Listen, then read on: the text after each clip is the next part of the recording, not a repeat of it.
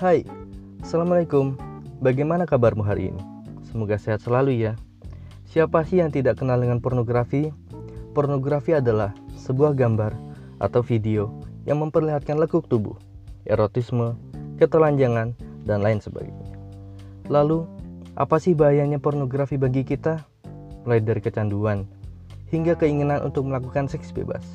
Dalam Al-Quran dijelaskan, hendaklah mereka membatasi pandangan serta mengkhususkan kemaluan mereka. Hal demikian itu adalah lebih bermartabat untuk mereka. Sungguh, Allah Maha mengetahui tentang apa yang mereka perbuat. Quran Surah An-Nur ayat 30 Wah, bahaya banget ya. Mulai sekarang, yuk ikuti gerakan insan, internet sehat, dan aman.